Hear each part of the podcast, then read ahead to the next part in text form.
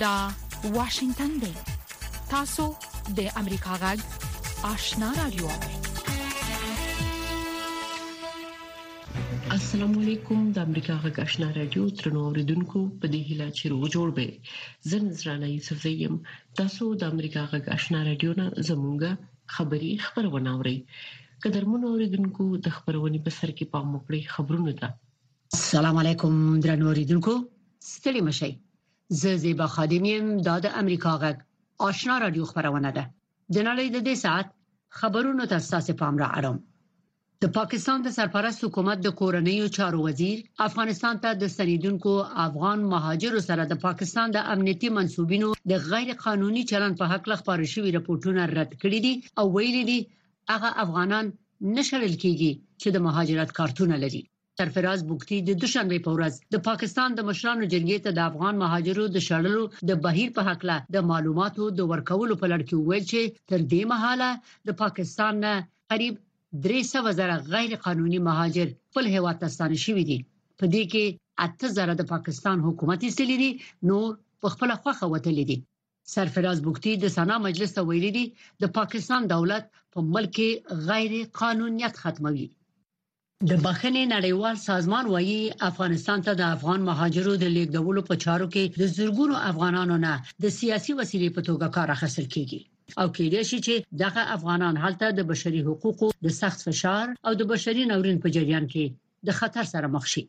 په اسلام آباد کې د افغانستان سفارت چې د طالبانو تر واک لاندې دی نن سهار په ایکس پاڼه کې لیکلي دي چې د طالبانو د سوداګرۍ او د پانګې اچونې د خونې د سرپرست وزیر نورالدین عزیزي په مشرۍ هیئت د پاکستان د خارجه چارو د سرپرست وزیر جلیل عباس جیلانی سره کتلي دي د هیئت د پاکستان نه افغانستان ته د افغان مهاجرو د مالونو په لیږدولو د کراچۍ په بندر کې د افغان سوداګرو د مالونو په بندولو او دوه اړخیزو اړیکو بحث کړی دی د بحران نړیواله ډله وایي چې د پاکستان نه د افغان پناه غوښتونکو او مهاجرو ډله ییز ایستل په سیمه کې بې ثباتي راولي د خبر تفصیل ته ستاسو پام را اړوم دغه ډلې چې په نړۍ کې د روانو بحرانونو په اړه څېړنې کوي په خپل تازه راپور کې لیکلي دي چې پاکستان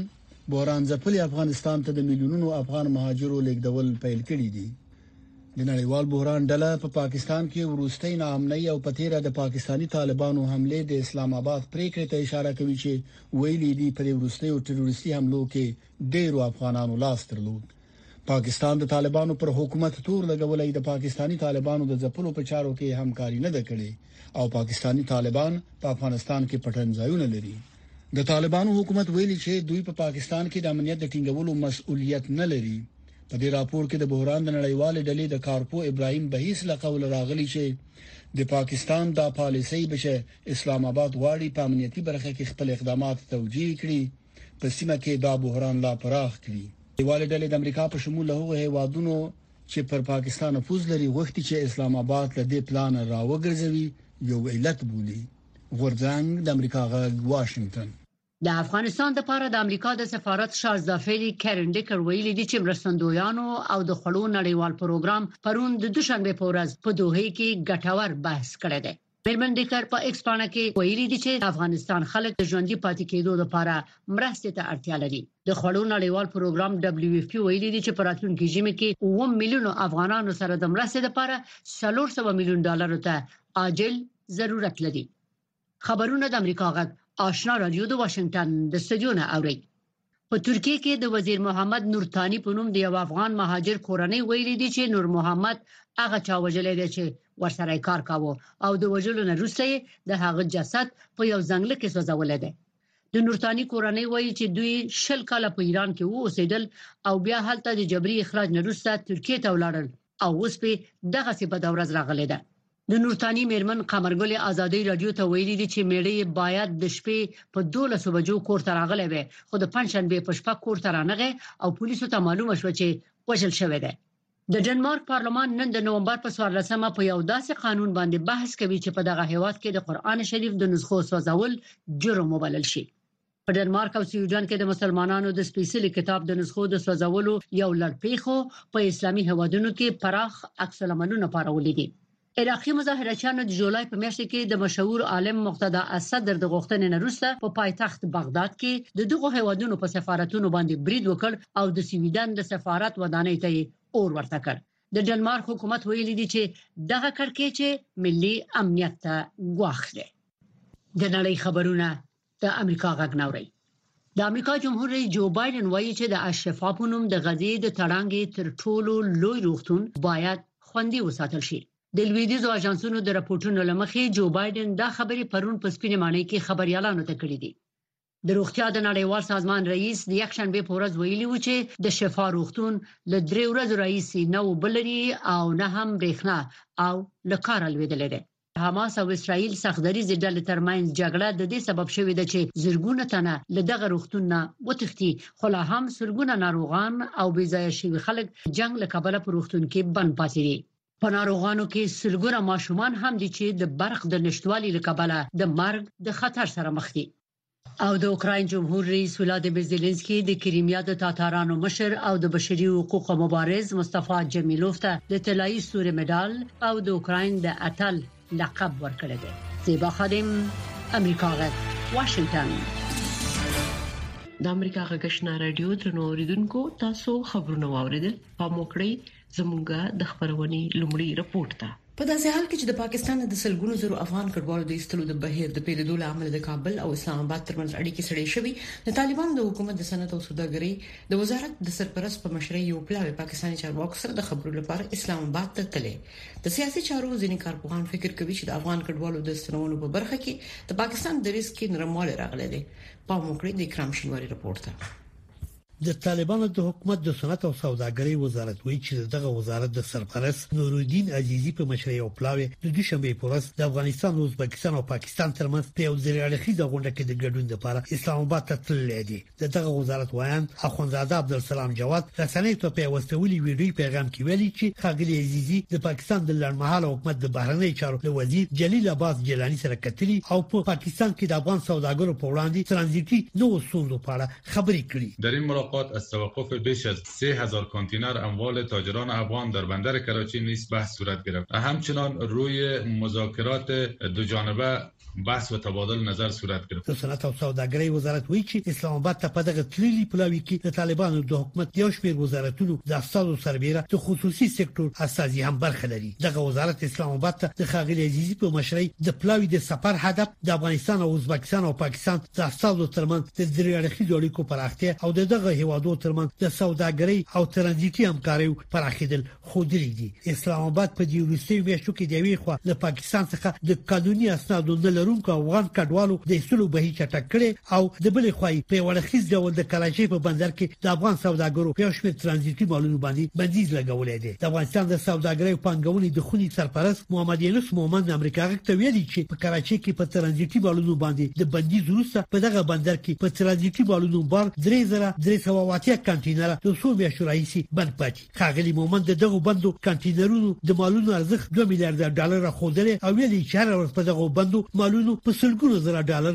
ډیمرچ هم راځي تیره میاشت په اسلام آباد کې د افغانستان سفارت چې د طالبان لخوا اداره کیږي د پاکستان د حکومت دا پریکړه د افغانستان او پاکستان ترمنځ د سوداګرۍ او ترانزیت د تړون اپټا سره په ټکر کې وګڼله او دغه هوا څخه د دغه ستونزې د هوارېدو غوښتنه وکړه د نړیوالو اړیکو یو کارپو طارق فرهادي وایي د افغانستان سره د پاکستان چلند تل د موګک او پښو چلند ته ورته یو چلند وو خاغلی فرهادي امریکا غږ ته ویل چې پرته له دې چې دا وایي چې په دې لوبه کې چا د پښو او چا د موګک رول لوبولی دی خو پاکستان د ډیرو اقتصادي ننګونو سره مخ دی ښاغلي فرهادي ویل پاکستان اړیکې د خپل لوی ګاونډي هندستان سره خراب دي او چین هم دا ورته په ډاګه کړی چې پاکستان کې د لوی پانګونې لپاره لیوالتیا نه لري او دغه هیواد صادرات هم 14 فیصد کم شوي دي در یک بحران کلان است و ای که خواستند که مردم افغانستان هم دشمن خود بسازند طالبان نمیگم مردم افغانستان به خاطر که در اینجا سر مردم یک فشار آوردن تا حد پس متوجه شدن که چندان کار هوشیارانه نبوده. خو د پاکستان د لړمحاله حکومت د کورنۍ چارو وزیر سرفراز بوکتی د دوی شنبه په ورځ د پاکستان په مشرانو جرګه کې د افغان کډوالو د ایستلو په سر د سناتورانو پښتنو ته په ځواب کې ویلي چې سناسه درې سوه زره د قانوني اسنادو نه لرونکي افغان کډوال په خپل خوخه خپل هیواد ته ستانه شوی ایوازي اته زره تنه د پاکستان د حکومت لخوا ایستل شوی دي سرپرست بوکتی د سنا مجلس ته ویل اسناد لرونکو افغان کډوالو ته هیڅ لاس نه دی ورول شوی یوازې د قانوني اسنادو نه لرونکو کډوالو په وړاندې اقدام کیږي او د پاکستان دولت دغه ناقانونیت ختمول غواړي همدا شان سرپرست بوکتی د سرجونکو افغان کډوالو سره د پاکستان د امنیتي ادارو د منسوبینو ناسم چلند په اړه خبرې شوې راپورونه هم رد کړ او ویل چې د پاکستان سان قانون وایي چې ناقانونه بهرني وګړي دي ونیول شي بندیان دي شي قضیه دي پرې وچلول شي او له هوا څخه دي وېستل شي خو هغه ویل چې د پاکستان حکومت غیر قانوني افغان کډوالو ته د اسانتیاو لپاره هغه نه زندانونو ته چي نه محکمې ته وړاندې کوي بلکې په موقتی مرکزونو کې ساتي چې په دوه یا درې شپو کې خپل هوا ته ستاني د سنا مجلس غونډې ته د پاکستان پاکستان د جماعت اسلامي ګوند استازي مشتاق احمد خان ویل چې چې د سترې محکمې ته لیکلي چې د کالو لمخې موقت حکومت د ورځنۍ چارو د سمبالولو او د کډوالو د ایستلو د پریکړې صلاحیت نه لري او دا پریکړه باید راتلونکي منتخب حکومت ته پریښودل شي د بدلون پر مهال کله چې د نړۍ وضعیت څرګند نوي او کله چې اوریدل ل عیني واقعیتونو سره سمون نخري موږ په حقیقت پسې ګرځو کله چې موږ ته د یو موضوع یوازې یو اړخ بیانېږي نو باور بایلو د ناورین پر مهال د یوې ښې راتلونکې لپاره زموږ خوبونه تم یو هلي پر آزادو مطبوعاتو تکیه وي د امریکا غږ پر چپو موږ هغه خبرونه خبرو چې خلک یې د لیدلو لپاره غواخونه مني موږ نړۍ سره وسلو او د حقیقت په ویلو یو موټی کوو د امریکا غږ لاري موږ بشپړ انزور درکو د پاکستان په سنا کې پرون یو شمیر سناتورانو د پاکستان په حکومت د افغان کډوالو د ایستلو لامل نیوکه وکړه خو د پاکستان د کورنیو چارو وزیر ویل چې د پاکستان افغان کډوال په خپل خوخه وزي او یوازې یو کم شمیر د پاکستان حکومت استلې دي نور تفصيل په دې رپورت کې پرون د پاکستان په سنا کې له دغه هیواده په زور د افغان کډوالو د ایستلو په ناندریز بحث کې د پاکستان یو شمیر سناتورانو له پاکستان څخه د افغان کډوالو ایستل ناقانونه وبلل خو د پاکستان د کورنیو چارو وزیر وویل چې زیاتره افغان کډوال په خپله خوښه افغانستان ته ستانه شوي. د پاکستان په سنا کې د پرون د بحث پر مهال سناتور مشتاق احمد خان وویل چې له پاکستان څخه د افغانانو ایستلو د پرېکړې پر خلاف د پاکستان سترې محکمې ته ځي. بشري حقوق کی بړي پیمانه پر په لوړه کچه له بشري حقوقو څخه سرغړونه شوې ده د هغوی کاروبارونه نیول او غصب شوې دي پولیسو او امنیتي ادارو پر هغوی تاوتریخوالی کړی هغوی ځورولې دي د دوی پر وړاندې یو پروپاګاند شوې دی هغه خلک چې ستاسو سره تاریخي اړیکې لري د افغانستان او پاکستان ترمنځ چې کومې اړیکې دي هغه د نړۍ د هیڅ دوو هېوادونو ترمنځ نشته دغه اړیکو د لمنځه وړلو او هغو کې د خلل رامنځته کولو هڅه شوې ده. د سناتورانو توندو نیوکو ته په غبرګون کې د پاکستان د کورنیو چارو وزیر وویل چې د افغان کډوالو د ایستلو په اړه په پېښور کې د طالبانو له کونسلګرۍ سره په دوامداره توګه همغږي کېږي او له پاکستان څخه یوازې هغه افغان کډوال ایستل کېږي څوک چې دغه هېواد کې د اوسېدو قانوني اسناد نه لري. ټوټل دو لاکھ چورانوې هزار لوګ ټوټل جو ګئې وو. تر ننه درې لکه افغانان بېرته افغانستان ته ستانه شوي دي. په دغه درې لکو کې دوه لکه دوه نوي زره افغانان په خپله خوښه بېرته ستانه شوي دي.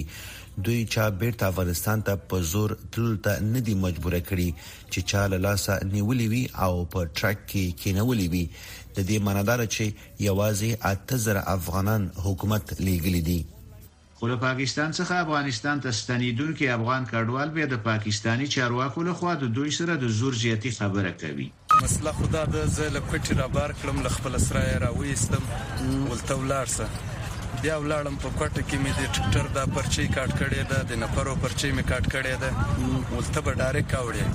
اوس چې دلته دروازې ته ورغلم، یپسي والا مې نه پرېږدي، پرون ټوله ورځ په دروازه کې ځلېدلو. بلخوا د پښتون ژغورنې غورځنګ یو مشر علي وزیر د افغانستان او پاکستان ترمنځ پر پاسپورټ د سفر کولو پر خلاف په چمن کې له نږدې یوې میاشتې راپدېخوا روان پرلت ته په وینا کې پر طالبانو د یادې موضوع په اړه د دریځ نه څرګندولو له امله نیوکې کړي. دا ږغ کوو چې دلته خو دڅه روان کړي دي دا ته بې اسرې او بې کوره افغانان درونه ژر په ډیورنډ لاین باندې تار درنه تیر کړو.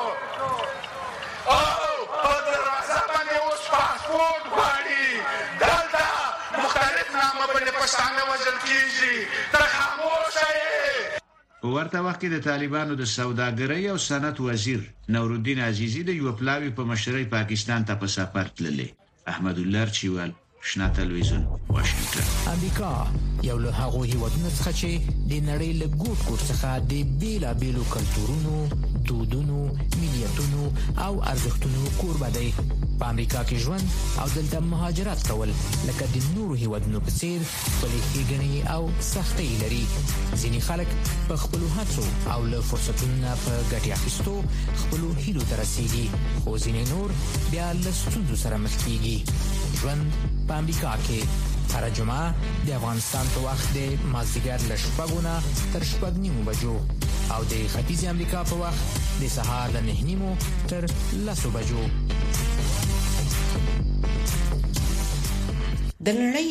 د تر ټولو ګڼ نفوسه هیواد اندونیزیا ولسمشر جوکو ویدودو په سپینه ماڼۍ کې د متحده ایالاتو د ولسمشر جو بایډن سره وکتل او هغه ته د نړۍ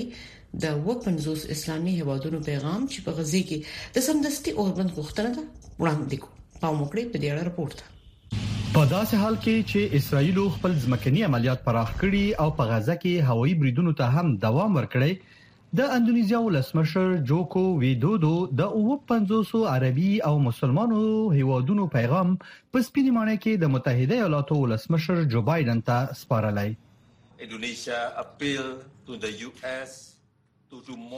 اندونیزیا له متحده ایالاتو څخه غوښتنه کوي چې په غزه کې د ظلمونو د بندولو لپاره ډیره هڅه وکړي اوربند د بشریت اړتیا ده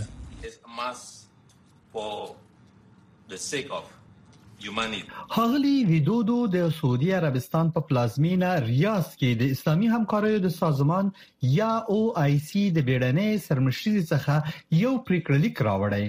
چې په غزه کې د اسراییلو لخوا د ځان دفاع په نوم د اقداماتو توجیه کول یې رد کړي دي. دوی د جګړې د سمدستي پای ته رسیدو، پر اسرائیلو د وسلو خرڅولو بندیدل او بشري مرستو ته د لاسرسي د زیاتوالي غوښتنه کړې. خو بایډن د ګډو ګټو لیست وړاندې کړ او د مهمو مینرالونو په انتقال کې د اسانتیاوو رامنځته کول یې یاد کړل. اندونیزیا په نړۍ کې د نکل تر ټولو لویې زیرمې لري او غواړي په متحده ایالاتو کې د برېښنايي موټرو د بیټریو صنعت ته لاره ومومي. اندونیزیا دغه راز غواړي چې د اقلیم له بحران سره د مبارزې او د سمندري امنیت په اړه همکاري ترلاسه کړي. موږ د همکارۍ د لوړې کچې د پیلولو او یوې هر اړخیزې ستراتیژیکې ملګرتیا په هکله خبرې کوو. بایډن د غزې یادونه ونه کړه، د اکتوبر په اوومه د حماس له برید وروسته د اسراییل په بریدونو کې له یوولس زرو څخه زیات کسان وژل شوي دي. دوی په ډېرو مسئلو کې د زړه له کومې موافق دي. په حقیقت کې په نورو مسئلو کې د پام وړ پرمختګ شوی. دوی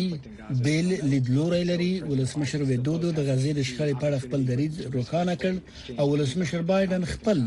دوی دواړه فرصت لري چې په درناوي سره د دې مسئلې په اړه نظرونه تبادله کړي. له واشنګټن وروسته ویدودو د امریکا په کوربتوب د اسیا پاسفیک د اقتصادي همکاریو په سرمشریزه کې د ګډون په موخه سن فرانسیسکو ته ولاړ. بایډن به هم د ایپک د سرمشریزې په څنډه کې د چین له ولسمشر شي جي پینګ سره وګوري. احسان الله ریوزی امریکا غږ طالبانو د افغانستان له دننه د امریکا غږ راډیو خبرونه درولې دي خو امریکا غږ په پوره شمنتیا خپل افغان اوریدونکو ته په پښتو او دری ژبه د کاره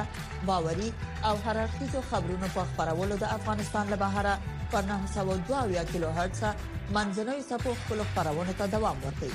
د دې ترڅنګ تاسو کولی شئ چې زموږ پښتو خبرونه په لاندو ټکو هم واورئ پښتو سهارنې خبری خبرونه پر وزارت 290.0 ټکو اوریدل شي ما خبرنې پښتو خبرونه په 2040.0 2015.0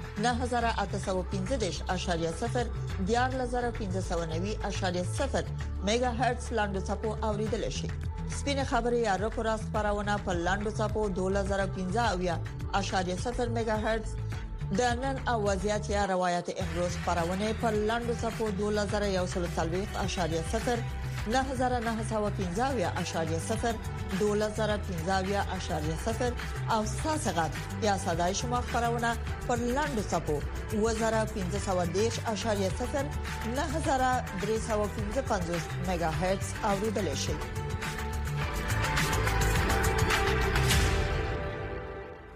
د امریکا ولسمشر جو بایدن او د چین ولسمشر شي جین پینګ په چهارشنبه پورز د اسیا آرام سمندر د اقتصادي همکارۍ سرمشريزې په سند کې سره وګوري د متحده ایالاتو چارواکي داسې تمه نه کوي چې د دوه هیوادونو ترمنځ په اړیکو کې کوم پرمختګ وشي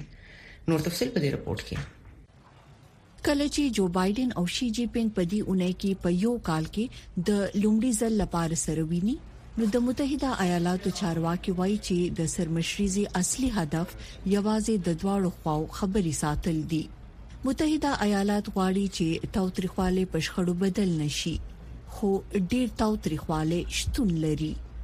دلته د جولای په میاشت کې د چین په ختیځ سمندر کې د متحده ایالاتو یوې الوتکې ته چینایي جنگي الوتکه نږدې کیږي او اورونه اوروي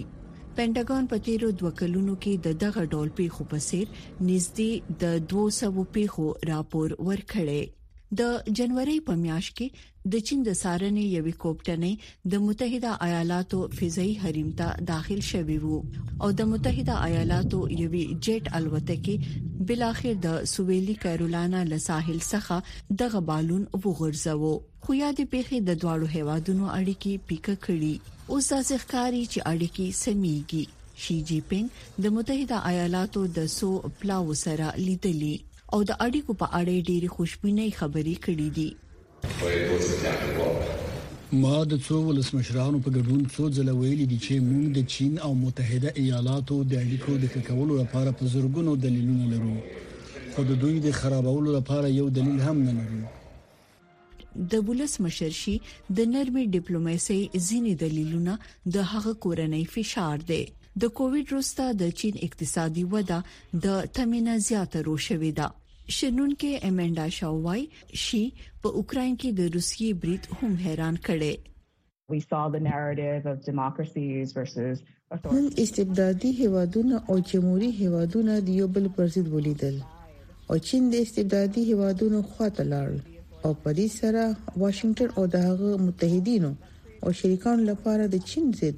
ایتلاف جوړولو لپاره یو څه کولو ته اړتیا پېښه شوه. خو ممکنه ده چې وضع لدی ځای سخت شي په تایوان کې راتلونکي انتخابات کې دي شي د داسې حکومت د بیا انتخابولو پایله ولري چې د بیجینګ په اړه خورا شکمن دي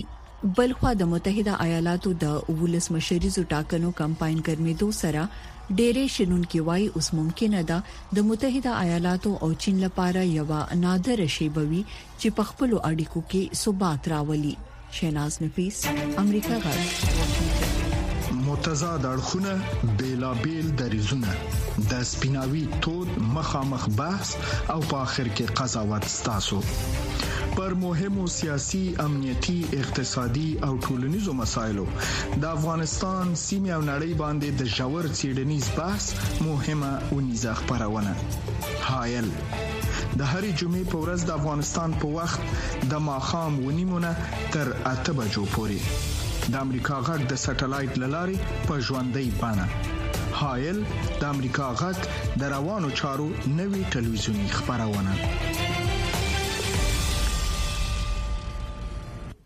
لندن کې افغان اهل هنود او سکان دیوالي لمانځي د یکشنبې په ورځ د هند په ګډون د نړۍ په ډیرو برخو کې هندوانو او سکانو دیوالي ومانځله نور تفصيل په دې رپورت کې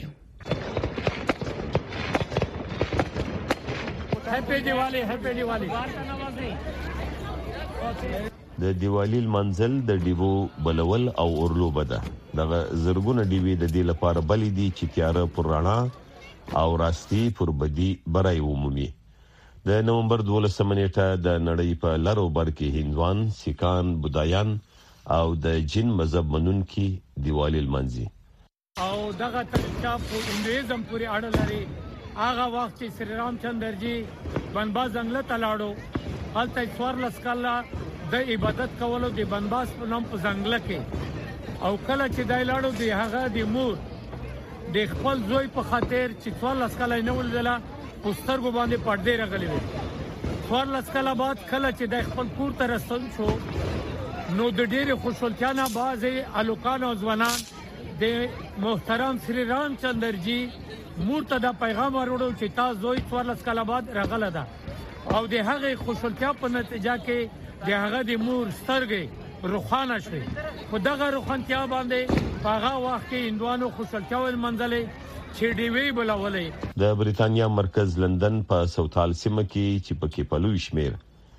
د افغانستان هندوان او سکان مشته دي په خپل مندرونو او ګردوارو کې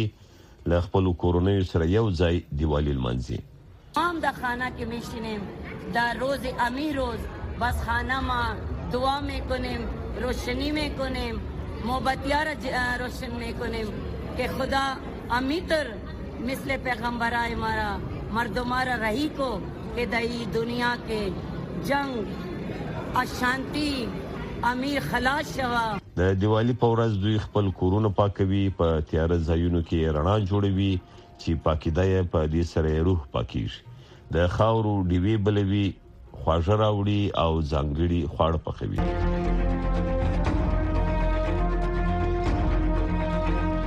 د پولیو وایرس په اړه د خلکو د عامه پوهاوي کچه لوړه شوې ده پلازمینه کابل کې د عامه روغتیا وزارت په چوکاټ کې د پولیو لمنځه وړلو بیړنۍ مرکز وایي چې دغه وایرس په حق له ټولنه کې عامه پوهاوی تر اکثریت خلکو رسیدلی او له عملي واکسیناتورانو سره اجتماعي چلند کې مثبت بدلون هم راغلی دی د پلازمینې کابل په شمول د هیواد هغه ساحې چې په لری واټن کې موقعیت لري او د خلکو د سواد ساته هم په هغه مرحله کې نه و چې د ګوزڼ واکسین د ګټو په اړه وپوهیږي، خو اوس ورو ورو دې حالت مثبت بدلون موندلی او زیات شمیر خلک خپل کوچنیان د پولیو په مقابل کې واکسینوي. کابل کې د پولیو لمنځه وړلو بیړنی مرکز وایي، د پوهاوي له زیاتیدو سره په خلکو کې اجتماعي چلند هم مثبت خوا ته بدلون کړی او خپل ماشومان په منظمه توګه د کمپاین په دورو کې واکسینوي. د دغه بیړني مرکز مسول ډاکټر نیکو علي شاه مومن اشنا راډیو ته په دې تړاو داسې وویل. باید یادونه وکړم چې د خلکو عامه پوهاوی د لوړېدو له وجې نه د خلکو ټولنیز چلند ډېر ښه شوی دی او مثبتې خوا ته روان دی. ما د ټولو په میلونو څخه خصوصا د مور پلار څخه دا هیله ده ده چې خپل ماشومان په وخت زموږ ټیمونو ته ورسوي ترڅو د دغه وژونکي یا تل معلولونکي ناروغۍ څخه په امن وساتل شي. په ورته مهال پلازمېنه کابل کې ځینې صحي رضاکاران هم د خلکو له چلند څخه خوښ برېښي. زابل کې د پولیو واکسین د تطبیق دوه تنه رضاکاران دي آشنا رادیو ته وویل چې د خلکو په هوی ساتي لواجه اوس ورته اکثریت خلک خپل ماشومان رسوي او دوی ورتګ ته په خوشحالي هرکلی کوي مخکې وسم کوم نه هیته تللو په لار کې بچا تماس خرکا چې وځ خبرې کړې نه دوی اصلا نه پوهېدل چې واکسین د دوی ماشومان روغتیا لپاره څه اهمیت لري خو موږ خپل کار ته متوجه یو چې هغه له پنځه کلنۍ د کم عمر ماشومانو واکسینول دي، خو څه هم بعضې وخت داسې څوک یي چې زموږ کار یا فعالیت ورته سم نه ښکاري، خو باوري یم چې دا حالت به هم تغیر وکړي. اوس د خلکو چلند تبدیل شوی، د خلکو د سواد سطحه هم یو څه پورته شوې، نو په دې خاطر د خلکو رویه له موږ سره ښه شوې ده، په دې چې اوس کومو ساحو ته ځو هلته موږ ته په ډیره صمیمه توګه ماشومان له کورونو راباسي ترڅو یې موږ واکسین کړو ځکه اکثریت ښاري خلک اوس د واکسینو له ګټو آګاهي لري پوه شوي دي په او د دوی سطح سواد یو څه پورته ده نو په دې خاطر موږ سره ډیر ښه چلند کوي دوی په هیواد کې د سواد ټیټه سطح او اطرافي سیمو کې د ګوزن په باره کې د پوهوي پروګرامونه کم تر سره کېدل هغه لاملونه دي چې له مخې یې واکسیناتوران سره د خلکو په چلند منفي اغیز کړی و او ان ځینو ساو کې به واکسیناتوران خپل کار ته هم نه پریښودل کېدل د روغتیايي کارپوهانو په باور کې د ښاري سیمو غوندې په لری پرتو سیمو کې هم د پوهاوي پروګرامونه چټک شي د پولیو په وړاندې شته منفي ذهنیت به هم ژر لمنځه لاړ او واکسیناتوران ته به د کار مساعد چاپیریال رامنځته شي له امام خیل امریکا غاک آشنا رادیو کابل قدرمن اوریدونکو تاسو د امریکا غاک آشنا رادیو نه زموږه خبری خبرونه واوریده موږ تاسو له دې هیله اجازه غواړو چې خبرونه به اوریدلې وي د خدای په امان